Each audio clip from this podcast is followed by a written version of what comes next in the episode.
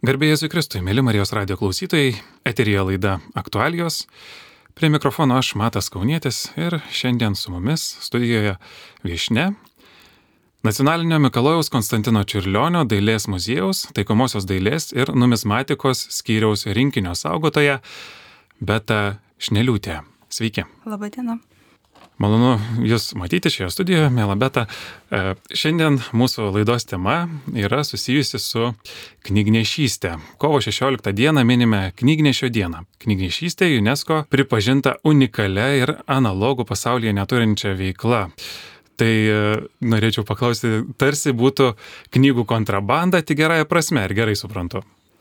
Taip, iš tikrųjų, knygnešystė yra unikali labai savita Lietuvai būdinga tokia istorinė tiesa, kuri UNESCO pripažinta kaip unikali ir analogų neturinčia pasaulyje. Tai vyko 2004 metais, kai Lietuva minėjo spaudos atgavimo šimtmetį. O kovo 16 knygnešio diena minima todėl, kad kovo 16 1846 metais gimė žymiausias Lietuvos knygnešys Jurgis Bielinis. Jis buvo išsilavinęs žmogus, baigęs Rygoje pradžios mokyklą ir susiklošius tokiam aplinkybėm istorinėm, tapo knygnešiu, profesionaliu knygnešiu, išdirbo 32 metus, platino draudžiamą lietuvišką spaudą, išugdė knygnešių ir švietėjų visą kartą, sukūrė spaudos platinimo tinklą jo atminimui mes minime knygnešio dieną. Na, Fabelinis svarbus asmo tikrai ir trumpai gal būtų naudinga prisiminti to laikmečio istorinį kontekstą. Lietuva caro valdžioje, sukilimas, e, gal prisiminkime, kokią nulietuvinimo programą buvo parengusi rusų valdžia Lietuvai. Na, mūsų aptariamas laikotarpis yra sudėtingas kuomet besiformuojanti lietuvių tauta gyveno sunkiomis istorinėmis, ekonominėmis, kultūrinėmis sąlygomis. Carinės Rusijos administracija dėjo maksimalias pastangas savaiminiam tautos išnykimui ir po 1863 metų sukilimo atsiranda radikalus šiaurės vakarų krašto pertvarkymo planas. Prisiminkime, kad Lietuva tuo metu buvo Rusijos imperijos dalis, šiaurės vakarų kraštas.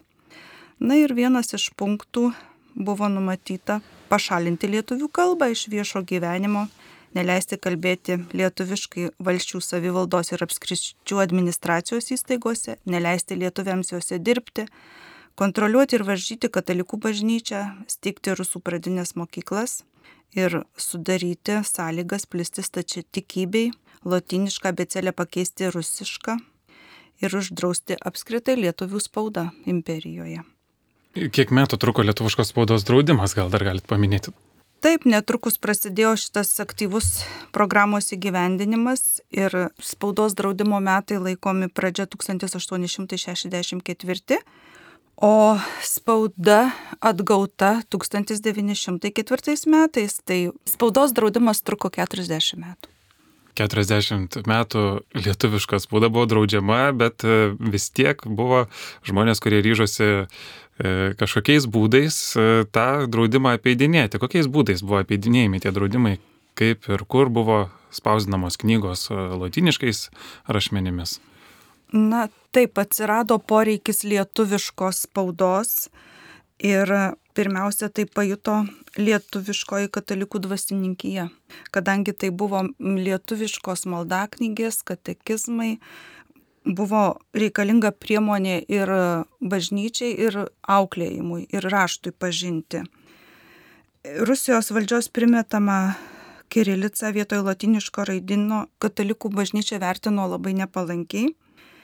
Ir Rusijos valdžiai varžant lietuvius pasauliečius dvasininkai sudarė gausiausią inteligentijos dalį. Ir jos nuostata prieš tokį suvaržymą buvo labai naudinga lietuviškos spaudos pradžią spausdinimui mažojoje Lietuvoje davė vyskupas Motėjus Valančius, kuris rūpinosi lietuviškos spaudos spausdinimu ir platinimu Lietuvoje. Paminėtos aplinkybės sukėlė ryštingą ir organizuotą pasipriešinimą.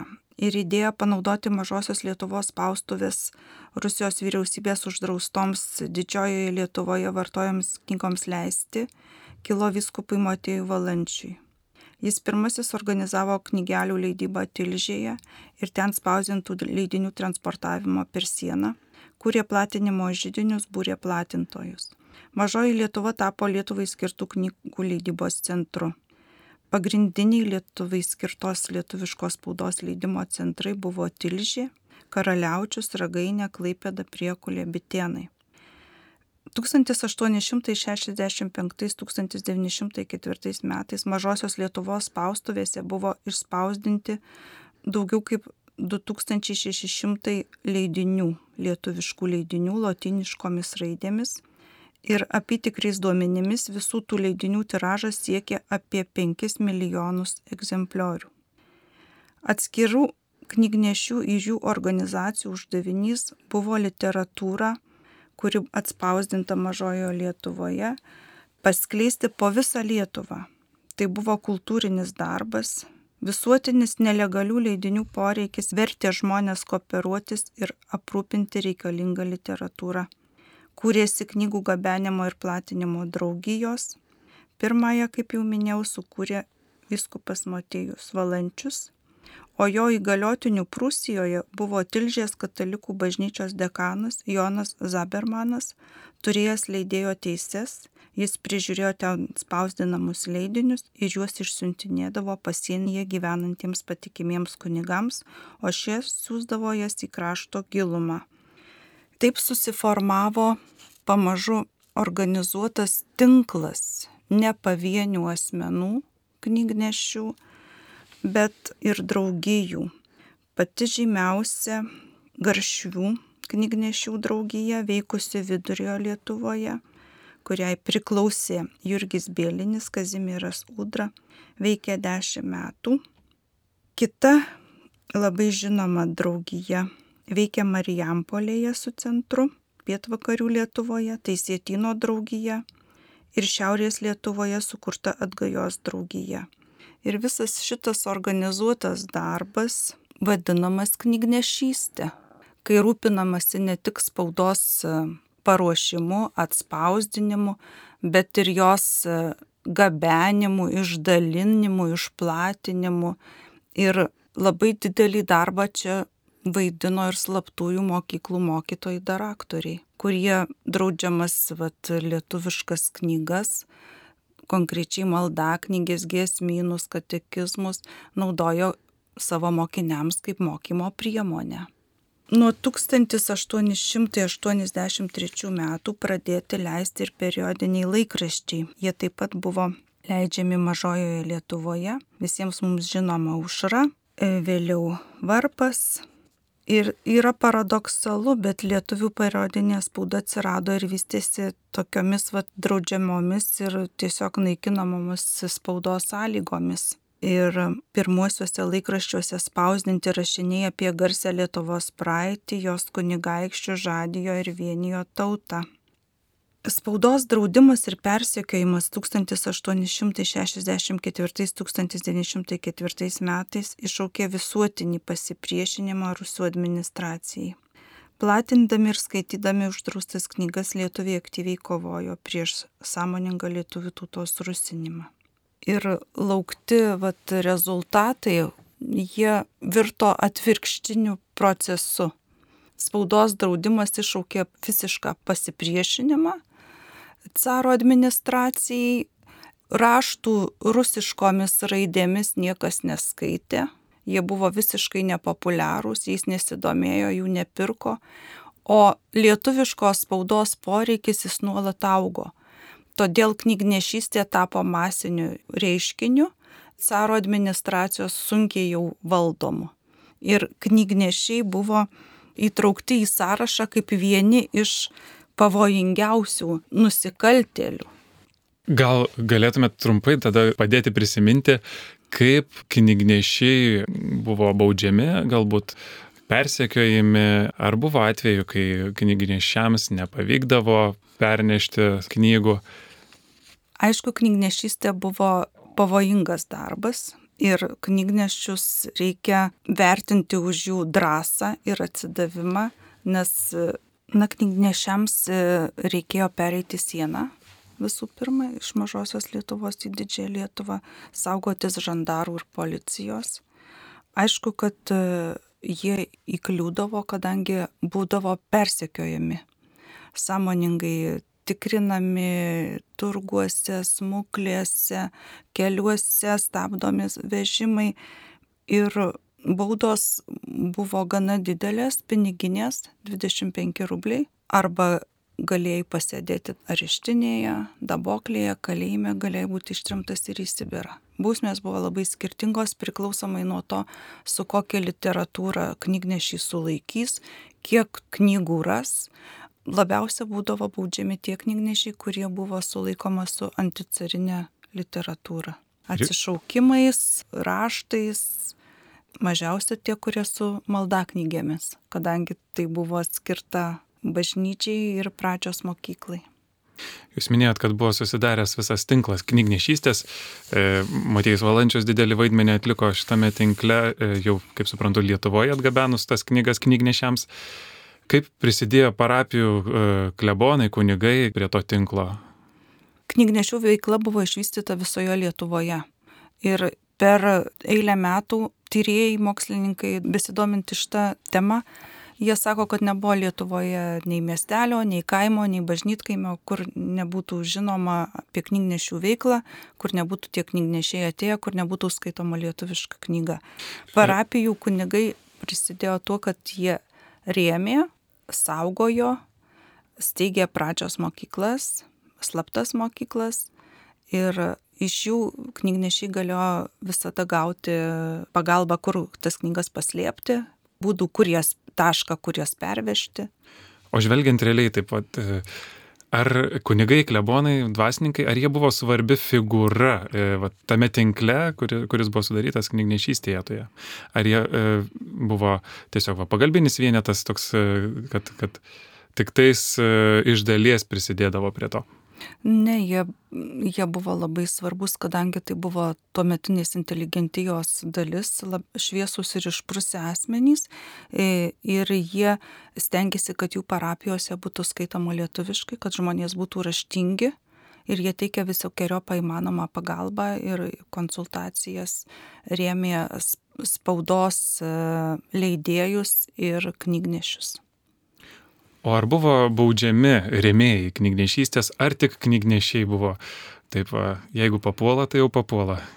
Aišku, labiausiai kentėjo tie, kurie gabeno tą spaudą. Ja laikė ir platino, bet kaip visuomet būna atvejų, kad knygnešių draugijos yra susiekamos, jų nariai persekiojami, norom nenorom išlenda rėmėjai, pagalbininkai, kurie padeda.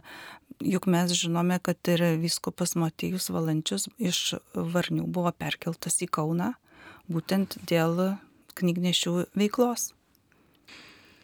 Dar gal galėtumėt pakomentuoti, kaip atsirado toks reiškinys kaip knygnešystė, gal galėtumėte įvardinti, kas buvo tie pagrindiniai knygnešiai, minėjote Bėlinė? Jeigu kalbėti apie knygnešius kaip apie tam tikrą grupę žmonių, tai didžiaja dalimi 80 procentų knygnešių buvo valstiečiai. Jeigu kalbėti apie jų tautiškumą, tai jie buvo lietuviai didžiaja dalimi, kadangi tai buvo aktualiausia lietuviams. O kaip atsirado pats e, knygnešystės reiškinys, kaip, kaip buvo pradėta, kas užmesgė pačią idėją, kad reikėtų gabenti tas knygas iš mažosios Lietuvos, ar, ar, yra, ar yra tokių domenų iš viso, kaip atsirado pats knygnešystės tas uh, fenomenas? Na tai yra vadinama fenomenu, aš manau, dėl to, kad tai buvo visuotinis reiškinys, kad truko 40 metų, kad uh, išsaugojo mes lietuvišką žodį, kad išliko kelios raštingos uh, rašyti ir skaityti mokančios žmonių kartos kad e, knygnešystėje dalyvavo ir vyrai, ir moterys, ir mažiau išsilavinę žmonės, ir inteligentyje, kad tai žadino lietuvišką tokį samoningumą ir tautinį atgimimą. Ir tai buvo pagrindas šviesios ateities visos. Tai buvo priešauščis, tai buvo priešaušris įžanga į valstybingumą. Jūs minėjote, kad buvo platinama ir maldaknygės, ir netgi anticariniai leidiniai visokie raštai. Kokie buvo populiariausi, kokia populiariausia buvo spauda platinama? Knygnešystės pradžioje populiariausia buvo katalikiška spauda. Maldaknygės, giesmynai, katekizmai, elementoriai.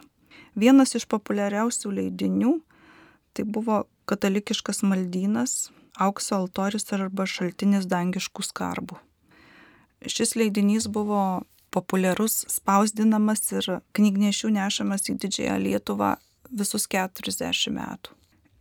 Yra toks įdomus dalykas, kad pirmasis aukso altorius išleistas XIX amžiaus pirmoje pusėje Vilniuje Juozapo Zavatskio spaustuvėje o vėliau daug kartų pakartoti įvairūs papildymai jo leidimai.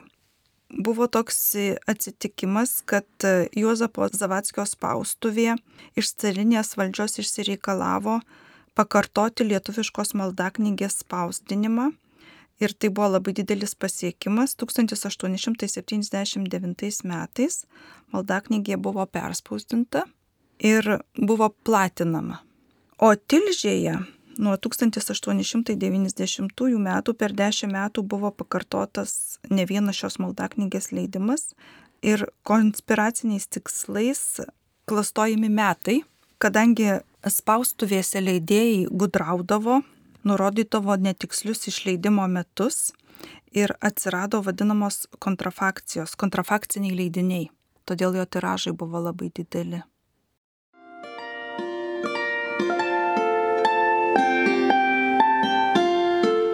Jūs girdite Marijos radiją.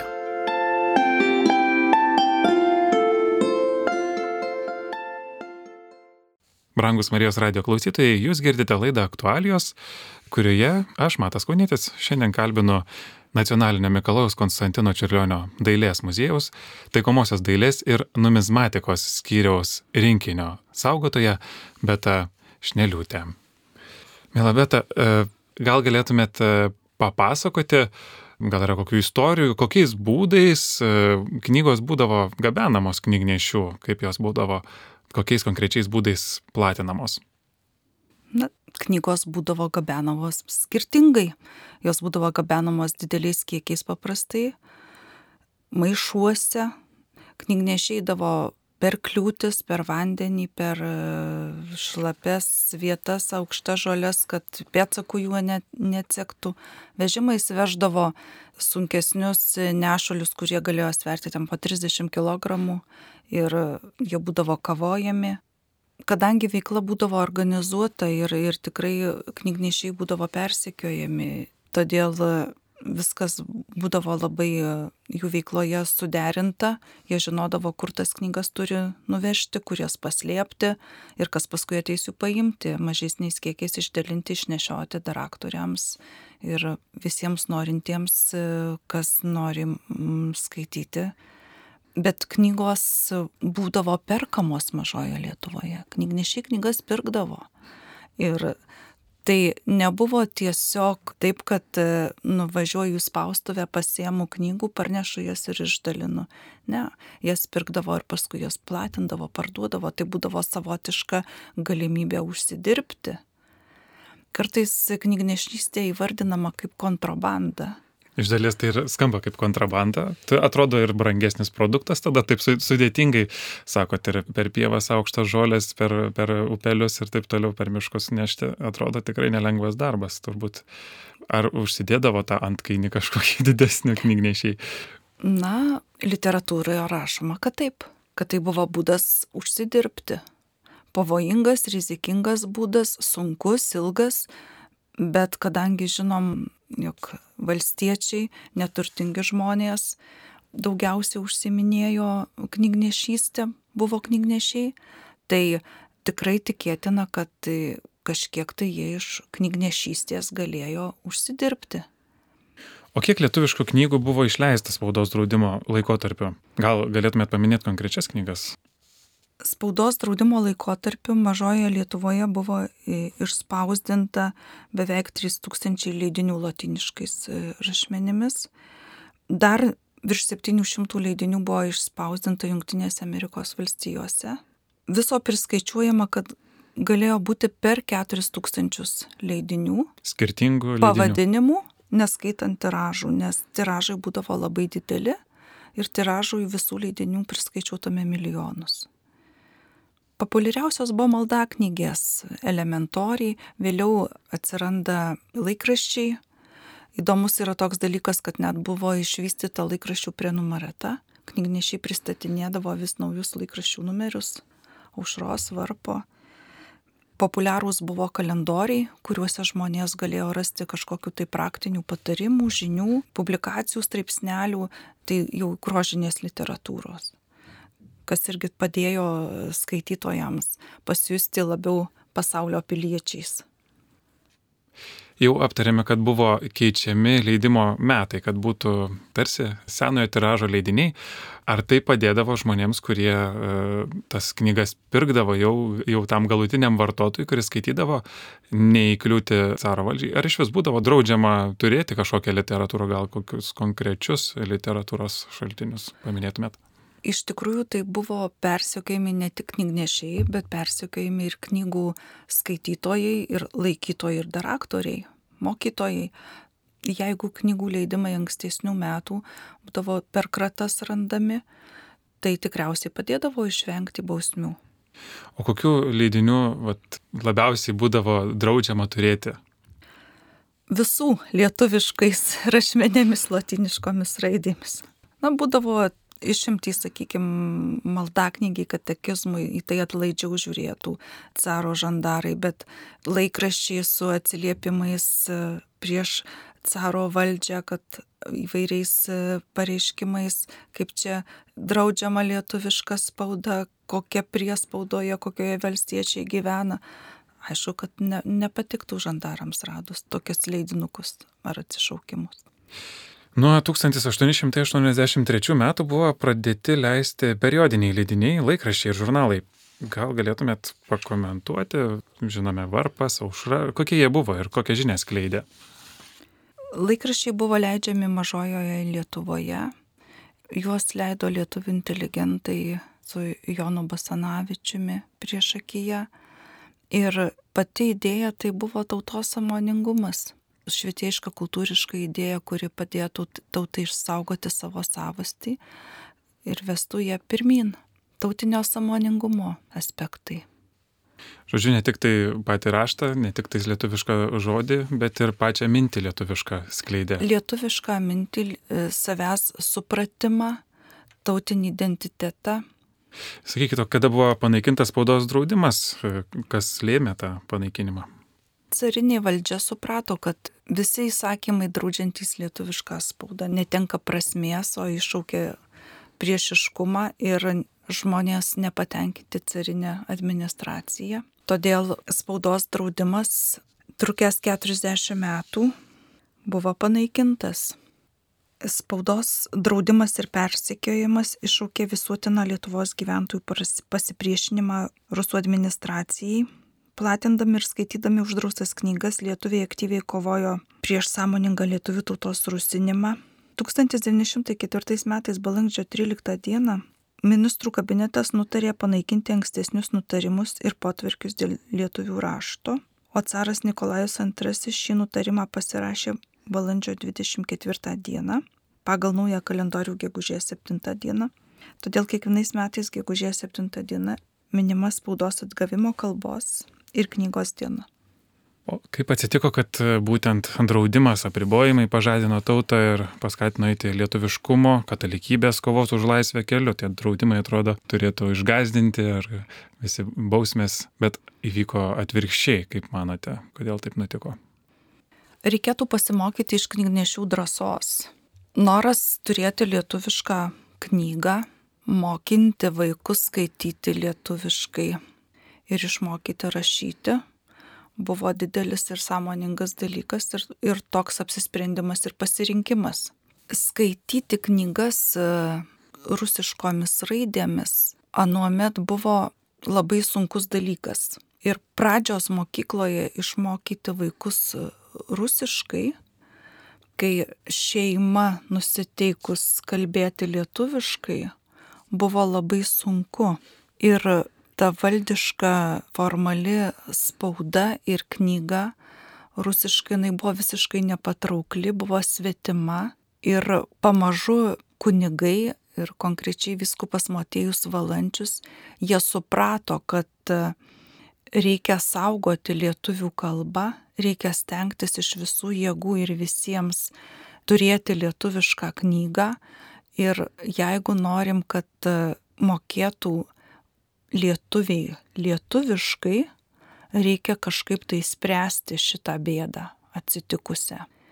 Todėl buvo imtasi knygų leidybos už carinės Rusijos imperijos ribų ir šitas e, darbas pavyko, jis tapo visuotinu ir jis davė labai gerų rezultatų. Mūsų laida eina į pabaigą jau ir dar prieš pabaigą norėtųsi paklausti, Šiandien mes e, išgyvenam labai platų, e, pilną medijų pasaulį, e, pilną vaizdinės medžiagos. Ir skaitomas žodis atrodo yra lyg ir nuvertėjęs. Kaip galvojat, ką šis istorinis laikotarpis sako mums šiandien, kuo jis reikšmingas galėtų būti šiandienos žmogui? Na visada, ko negalime, neturime, to mums labai reikia, to mes norime.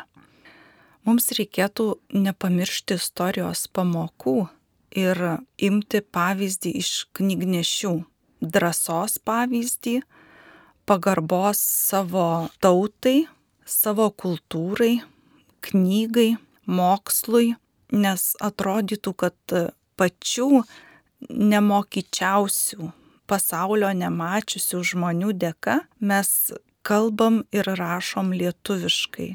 Jų indėlis iš tikrųjų yra milžiniškas ir tai yra fenomenalus reiškinys, kurio turbūt neturėjo nei viena pasaulio tauta ar nei viena pasaulio šalis, kai nebuvo galima skaityti savo kalbą, rašyti savo kalbą, mokyti savo kalbą, o knygnešystė kaip reiškinys suformavo mums galimybę kalbėti, rašyti, skaityti lietuviškai ir reikėtų mokytis istorijos pamokas, kartoti jas, nes tik išmokę jas mes būsime drąsūs ir žinosim, kaip mums elgtis ekstremalioje situacijoje. Dėkuoju Jums labai, Beta, kad sutikot atvykti į laidą ir papasakoti mums apie knygnešystę. Brangus klausytojai, šią valandėlę su Jumis kalbėjome apie knygnešystę aš Matas Kaunytis kalbinau Nacionalinio Mikalaus Konstantino Čiurlionio dailės muziejaus taikomosios dailės ir numizmatikos skyriaus rinkinio saugotoja Beta Šneliūtė. Ačiū, kad klausėte. Sudė. Sudė.